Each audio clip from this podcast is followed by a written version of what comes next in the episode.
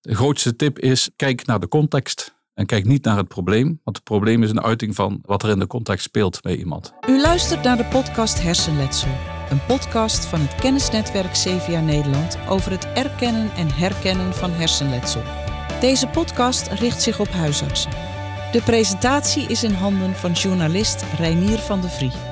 In deze aflevering spreekt hij met sociaal-psychiatrisch verpleegkundige Frank Wiendels over overprikkeling en verstoorde emotie bij hersenletsel. Mensen met mogelijke hersenschade of hersenletsel komen vaak zeer emotioneel en overprikkeld op het spreekuur. Hoe herken je als huisarts of er sprake is van niet aangeboren hersenletsel? Ik praat er in deze podcast over met Frank Wiendels, die sociaal-psychiatrisch verpleegkundige en aanmeldfunctionaris is bij Hoog Specialistisch Centrum voor Hersenletsel en Neuropsychiatrie van GGZ Oost-Brabant. Hij is dus nauw betrokken bij de triage van mensen met niet aangeboren hersenletsel. Welkom Frank. Frank, kun jij aan de hand van een casus eens aangeven welk emotioneel gedrag wijst op niet aangeboren hersenletsel? Het gaat heel breed, maar ik zal het proberen aan de hand van een casus wat te duiden. Een 37-jarige man meldt zich bij de huisarts met klachten van verdriet, prikkelgevoeligheid, vermoeidheid, slecht slapen. Je zou gauw denken, hier is een stemmingsprobleem, een burn-out of wat dan ook, wat daarop lijkt. Maar bij doorvragen bemerkte de huisarts dat in het verleden er iets is gebeurd met deze man waar hij geen weet van heeft. Deze man is namelijk verhuisd, is nog maar pas bij de huisarts. En op dat doorvragen, omdat moeder erbij zat, kwam hij erachter dat hij op tienjarige leeftijd een val heeft doorgemaakt, van de trap gevallen en daarbij hersenschade heeft opgelopen. Dat was een soort toevalsontdekking, maar zo gebeurt het natuurlijk vaak dat iemand bij een huisarts komt met de beschreven klachten zonder te weten of misschien onvoldoende op de hoogte te zijn van wat er aan de hand is. Dan is de geschiedenis niet bekend bij de huisarts. Dan is de geschiedenis vaak niet bekend. Of in de drukte vergeet je ook nog wel eens even te kijken in het dossier wat er allemaal is. Want er staat vaak heel veel in natuurlijk. En dan zie je nog wel eens een keer over het hoofd wat er aan de hand is. Of vergeet je het even na te vragen. Ja, of, of een uh, cliënt of patiënt weet het zelf ook niet meer precies wat er in het verleden gebeurd uh, is wellicht. Kan dat ook? Dat hoeft niet altijd zo te zijn. Of hij koppelt het niet aan zijn hersenletsel. Hij koppelt het aan de omstandigheid waardoor hij bij de huisarts is gekomen. En dan koppelt het niet aan het letsel wat hij heeft. Het is denk ik wel heel belangrijk voor een eh, huisarts om vast te kunnen stellen of het inderdaad met uh, hersenletsel te maken heeft of dat het uh, andere oorzaken heeft. Zeker, zeker. Een probleem is natuurlijk dat een hersenletsel wordt niet vastgesteld door een huisarts. Die weet daar, of behoort daar misschien van te weten door specialistisch onderzoek, die hersenletsel vaststelt. Maar dan nog gebeurt het zo vaak dat er oud letsel onvoldoende is gedocumenteerd of ergens verdwenen is in de hele transitie van hè, naar digitalisering, dat uh, bepaalde brieven niet meer zijn ingescand. Dus dan ben je vaak niet goed op de hoogte van wat het letsel dan is. Alleen dat er misschien iets is gebeurd. Maar de context van het hele hersenletsel is dan onbekend of te weinig bekend. Kan een huisarts op ieder moment uh, nog weer verwijzen voor een onderzoek, een neurologisch onderzoek? Waar, en is de hersenletsel dan ook in een ver verleden altijd vast te stellen?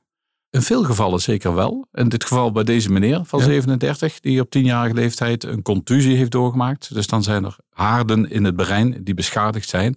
En dat kun je met beeldvormend onderzoek nog vaststellen, zeker. Dus dan is het belangrijk dat de huisarts ook die stap maakt om uh, dat onderzoek te laten doen. Dat hoeft niet per se altijd. Je kunt ook klinisch iets bevinden. Door misschien een rapportage die, uh, van een ergotherapeut of een revalidatie die is, heeft plaatsgevonden dat je daar in ieder geval al weet van heeft dat er hersenletsel is. En dan hoeft het niet per se altijd al meteen naar de neuroloog, omdat je dan weer verder kunt van dit is hersenletsel en hier moeten we misschien iets verder mee met de klachten die eh, de cliënt op dat moment aanbrengt. Wat zijn de, eh, de belangrijkste kenmerken en symptomen van eh, niet aangeboren hersenletsel? Heel belangrijk is vermoeidheid. De energiebalans die is vaak heel erg verstoord.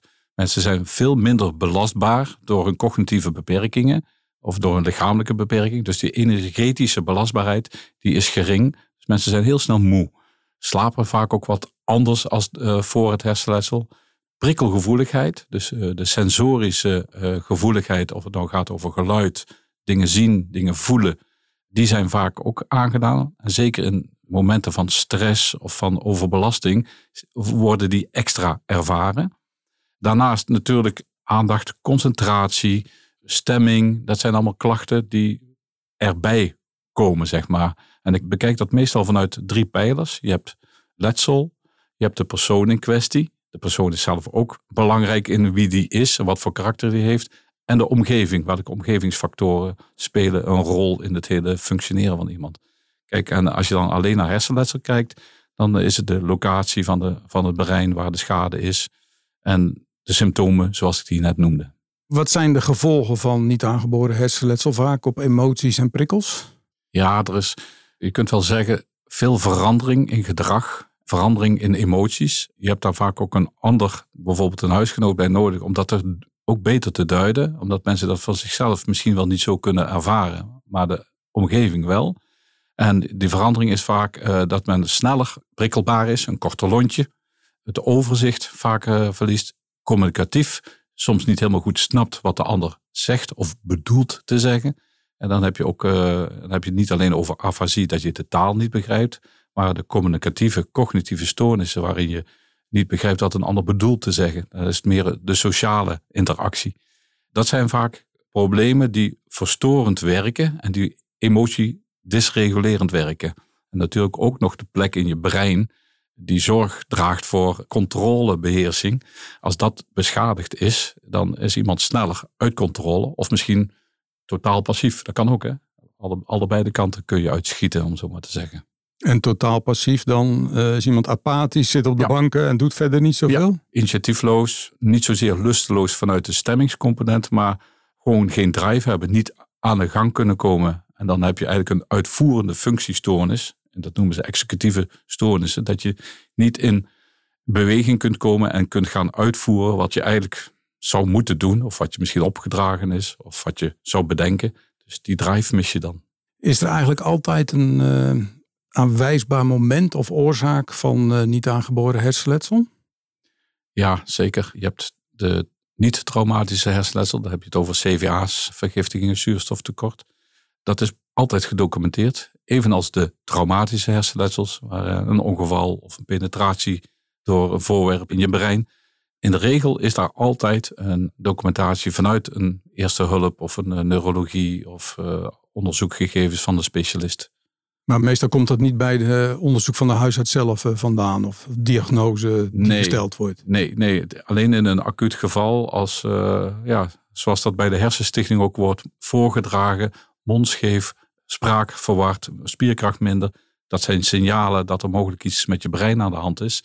Nou, dat kan iemand in de thuissituatie zien. Maar als iemand zo bij de huisarts uh, komt, dan zal hij waarschijnlijk meteen de ambulance bellen. Dus dan gaat het toch automatisch uh, verder onderzoek uh, ja, gebeuren? Ja, precies. Ja, ja. ja, het gaat dus bij de huisarts vaker over de, de mensen die al langer geleden hun hersenletsel hebben gehad. Dus dan noem je de chronische fase. Die moeten leven met hun beperkingen en hun hersenletsel. Maar dan heb je ook mensen die emoties en gedrag vertonen die daar misschien op lijken, maar die toch uh, geen aangeboren hersenletsel uh, hebben, maar een andere oorzaak. Ja. Uh, wat, kan de, wat voor oorzaken kan dat dan bijvoorbeeld hebben? Een grote oorzaak is bijvoorbeeld een burn-out. Het is bekend bij zowel psychische aandoening als lichamelijke aandoening dat overbelasting, langdurige overbelasting, kan leiden tot uitval door ziekte. Dus ook bij mensen met uh, niet aangeboren hersenletsel, die hebben juist wat minder capaciteit in hun coping of in een verdragen van dat iets misgaat. Maar voor mensen zoals jij en ik, die te lang onder stress en onder spanning staan en dus burn-out klachten krijgen, kunnen dit soortzelfde klachten krijgen. Dus ook prikkelbaar, minder zin, slechter slapen, gevoeliger voor prikkels in de omgeving. Ja, ga maar na als je heel moe bent dan schrik je soms van geluid of licht. Nou, zo moet je dat eigenlijk ook een beetje voorstellen. Dat dat uh, bij een burn-out kan, maar dat dat bij mensen met hersenletsel dus eigenlijk chronisch aanwezig is. Maar het is wel belangrijk om dan goed uh, dat onderscheid uh, vast te stellen. Of het door die hersenschade komt of andere oorzaken heeft, zoals burn-out. Ja, daarom is het ook belangrijk als een huisarts gaat vragen naar klachten, dat hij ook snel gaat vragen naar omstandigheden. En niet zozeer alleen maar op de klachten gaat anticiperen, maar ook zo snel mogelijk de klachten, die zijn al vaak heel duidelijk. Als je, ik slaap slecht, ik ben prikkelbaar, ik heb een kort lontje, noem maar op. Ik ben moe. dat je ook meteen vraagt van wat is er veranderd in je leven? Zijn er dingen die, die, die je bezighouden? Is er met je werk iets veranderd? Je relatie, je financiën? Ja, dat zorgt voor ontregelingen. Dat zorgt bij ons voor ontregelingen, maar voor mensen met hersenletsel kan het uh, hele nare ontregelingen geven. Ook vragen naar uh, fysieke ongevallen, misschien ook een val in het verleden of trapvallen. Zeker, zeker, zeker. Ja, ja. Dus vragen naar de context van, uh, van de klachten die zich aandienen is heel belangrijk. Dat is niet zomaar gedaan dan, denk ik, door een huisarts. nee. Eén spreekuur van 10 minuten is dan, denk ik, onvoldoende tijd daarvoor. Dat vind ik wel. Al is dat natuurlijk voor een huisarts heel lastig. Heeft maar heel beperkte tijd. Heeft hij ook ondersteuning van een POH bijvoorbeeld, die wat langere tijd kan vrijmaken. Zeker als de klachten die zich zo aandienen zoals ik beschreef, die kan daar dan meer tijd voor eh, uittrekken. En misschien moet de huisarts ook een keer iemand bijvragen van de omgeving. Want um, iemand met hersenletsel is niet altijd even goed in staat te verwoorden wat er met hem is. Of het kunnen combineren dat het aan het hersenletsel ligt. Dus dan is het een, misschien een tsunami van klachten. Maar niet wetende wat dat nou precies is en waar dat door komt. En iemand vanuit de omgeving, die kan daar misschien bij helpen. Die kan dat verduidelijken. In welk moment is dan uh, goed om uh, zo iemand erbij te betrekken? Zo snel mogelijk. Ik vind uh, juist de omgeving, ja, de mensen met hersenletsel zullen dat herkennen. Juist de omgeving heeft ook de last, hè, tussen haakjes last van het hersenletsel van de, de partner of het gezinslid, de vriend zodat, uh, zodat zij ook een verhaal kunnen vertellen over wat er aan de hand is. En dat is heel erg helpend voor mensen met hersenletsel. En die hebben ook vaak beter zicht op wat er aan de hand is. Of kunnen wat objectiever ernaar kijken wellicht. Ja, eh. ja. en zeker als je het hebt over hersenletsel. Bij hersenletsel is er een knik in de levenslijn. En die mensen die daar nabij staan, die zijn daar getuigen van geweest. En die zien dus ook dat iemand is veranderd dat hij een, een ander soort klachtenpatroon heeft of een andere manier van functioneren. En die kunt dus ook aan zijn huisarts uitleggen, ja, dat is al sinds dat en dat en die tijd. Dan weet zo'n huisarts ook meteen, oh, oké, nou weet ik wat voor vlees dat ik in de kuip heb en kan ik daar ook op verder. En kan ik ook ondersteunend zijn, ook naar een gezinslid bijvoorbeeld. En wat er op dat x-moment gebeurd is, ja, waardoor het anders is geworden. Ja, precies. Welke hulpmiddelen zijn er voor de huisarts om uh, verstoorde prikkelverwerking en verstoorde emotie vast te stellen? Nou, een huisarts moet niet zozeer een protocollijstje nalopen. Maar er zijn natuurlijk wel hulpmiddelen vanuit diverse organisaties, zoals de Hersenstichting, die de huisarts een hulpmiddel kunnen aanreiken met een soort stroomschema waarin je een vragenlijst waarin deze klachten voorkomen, om die dan in dat stroomschema uit te vragen, zodat je sneller komt to the point als het gaat over het hersenlesselbedrijf. Dus er zijn bijvoorbeeld hersenletsel-uitleg.nl. Daar vindt een huisarts een stroomschema dat hij op zijn bureau kan leggen en mee kan nemen als daar zo'n cliënt zich aandient met hersenletsel. Kun je zeggen waar dat eh, stroomschema vandaan komt? Het stroomschema is ontwikkeld door professor Dr. Carolien van Heugten namens het expertisecentrum hersenletsel Limburg. Zij is een prof in het netwerk en heel actief bezig om eh, in allerlei lijnen van de gezondheidszorg het hersenletselverhaal goed op de kaart te brengen. En werkt dat goed? Dat werkt goed, ja. ja ik heb toevallig vrienden die huisartsen zijn. En dan weten ze natuurlijk wel van mijn verhalen hoe het, hoe het precies zit. Maar zij hebben vaak, zeggen ze, ook behoefte aan wat meer know-how, context over hoe dat ze de vragen moeten stellen. Om beter en sneller in de goede richting te komen om iemand te helpen of te verwijzen. En vooral doorvragen is belangrijk. Vooral doorvragen, ja, ja, precies de tijd nemen, omdat het complex is voor mensen met hersenletsel om een verhaal te doen. Dus dan moet je misschien een vervolgafspraak maken om vraagverduidelijking, eventueel bij de POH, die vaak net even wat meer tijd uh, heeft. En naar wie kan uh, de huisarts eventueel verwijzen om ja, verder ook uh, erachter te komen wat er precies aan de hand is? Ja, nou, nou ga, ga, je heel breed. Ja. Kun je, kan de huisarts verwijzen. Kijk, als er, als er dysfunctie is op het gebied van de psyche. Dat mensen helemaal vastlopen uh, psychisch, uh, met hun stemming, uh, overprikkeling, prikkelgevoeligheid. Dan zijn daar speciale centra van GGZ voor, met neuropsychiatrische aantekening. Zodat die kunnen helpen door middel van een belastingbelastbaarheidsonderzoek of bezoek bij een psychiater met medicatie, wat de een beetje in toom houden. Terwijl medicatie natuurlijk niet de oplossing is, maar voor het moment helpend kan zijn. Je kunt ook verwezen worden naar de reguliere revalidatie. Mensen die prikkelgevoeliger zijn, daar zijn speciale programma's voor, voor om te leren om te gaan met prikkels. Dus gedoseerd prikkels gaan leren verwerken. Je kunt ook terecht in de eerste lijn. De eerste lijn, bijvoorbeeld de ergotherapeut, als er een belastingbelastbaarheidsverhaal is, die kijkt wat doet iemand op een dag? Hoe kan hij dat beter verdelen? Hoe kan hij strategieën leren om beter om te gaan met overbelasting? Dat kan ook in die eerste lijn dus uh, helpend zijn. Dus dat ligt ook een beetje aan de zwaarte van hoe een cliënt zich bij de uh, huisarts begeeft. En waar hij ervaart wat is nou dysfunctioneel voor iemand en waar is hij dan uiteindelijk bij geholpen. En dat is best wel lastig, omdat je naar de eerste, tweede of de derde lijn moet. Maar ga ervan uit hoe zwaarder en hoe moeilijker en complexer, meer je de derde lijn induikt. Ja, ja. Wat zijn tot slot behandelmogelijkheden als de diagnose niet aangeboren hersenletsel is gesteld? Behandelmogelijkheden zijn divers. En divers, dan bedoel ik dat je belastingbelastbaarheid behandelmethodes hebt, psychologische ondersteuning. Dat kan door middel van gesprekken, maar vaak ook gewoon door traumaverwerking, leren omgaan met beperkingen. Uh, dat heet ACT. Dat mensen weer uh, proberen te snappen wat is er met mij en hoe kan ik daar een andere strategie van denken op nahouden. Dus cognitieve gedragstherapie. Je hebt cognitieve therapie. En soms heb je ook nog gewoon echt diagnostiek nodig. Dus uh, een hernieuwd nieuw psychologisch onderzoek bijvoorbeeld kan weer een duiding geven van hey, dit is met mij aan de hand. Hier moet ik dus rekening mee houden. Of hier moet ik verder mee in leren een andere strategie te gaan hanteren. Hoe is het met die man eh, die, gegaan uit de casus die je noemde? Hoe is het daar nu verder mee? Weet je dat? Ja, deze meneer uh, die komt bij ons op intake omdat er duidelijk een knik in de levenslijn is met zijn tiende levensjaar. Mhm. En die heeft op de toppen van zijn tenen gelopen, eh, heel zijn leven lang. En door een vervelend incident in zijn privésfeer is hij onderuit gegaan. Zodanig dat hij slechter sliep, inderdaad prikkelbaar was, sneller moe. Mhm. Alles wat ik vertelde al. Wij gaan hem zien en dan doen wij een intakestraatje. Dus een uh, regiebehandelaar, in dit geval de klinisch neuropsycholoog. Doet de intake. Daarop volgend wordt hij ook door de psychiater gezien. Zijn er depressieve klachten? Moeten we daar iets mee?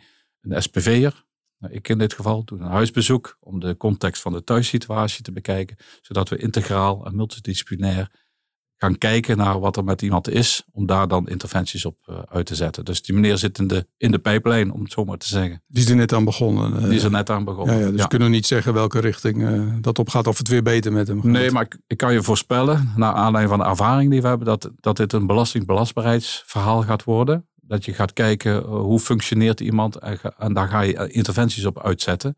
Door iemand ook wat meer rust in te laten bouwen in zijn leven. Mensen vergeten vaak dat rust regelmaat voor mensen met hersenletsel heel erg belangrijk is. Dus uh, in 90% gaat het om overbelasting.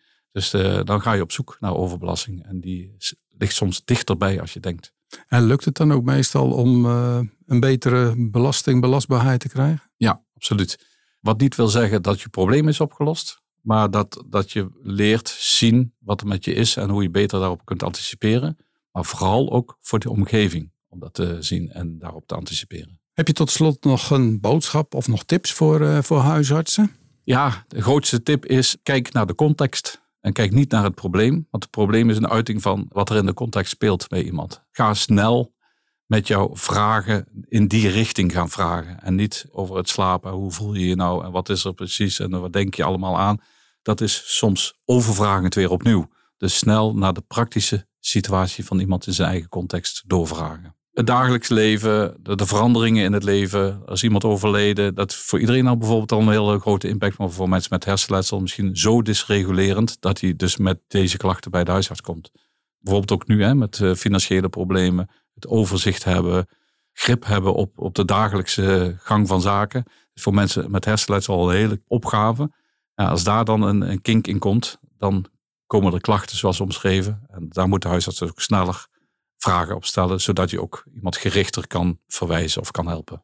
Ja, want in een tijd van een uh, economische slechte situatie nemen ja. dan ook uh, als eerste de problemen bij dit soort mensen toe? Ja, absoluut, absoluut. We zien ook veel meer problemen die ontstaan door dat er spanning komt op financiën. Mensen wordt een groter offer gevraagd om dingen anders te, in te regelen. Dus je, je regelmaat en je structuur die je had, die raakt ook onder druk. En dan uh, is iemand sneller uit zijn lood, waardoor hij een uh, beroep moet doen op hulpverlening. Frank, mag ik je dan uh, hartelijk bedanken. Ik denk dat het weer wat meer inzicht heeft gegeven wanneer er sprake is van niet aangeboren hersenletsel en wat je vervolgens mee kunt doen. Hartelijk dank. Graag gedaan. U luisterde naar Hersenletsel, de podcast van Kennisnetwerk CVA Nederland over gevolgen van hersenletsel. Andere afleveringen zijn er met Vincent Kwa over hoe de huisarts de patiënt zorg kan verlenen bij symptomen van hersenletsel, met Lianne van Dam over vermoeidheid, met Christel op stal over de gevolgen van hersenletsel voor de omgeving van de getroffenen en Ike Winkens over verstoord ziekteinzicht. De podcasts zijn te beluisteren via Spotify, Apple Podcasts, via jouw favoriete podcast-app en de website van Kennisnetwerk CVA Nederland. Deze podcastserie is mede mogelijk gemaakt door de Hersenstichting.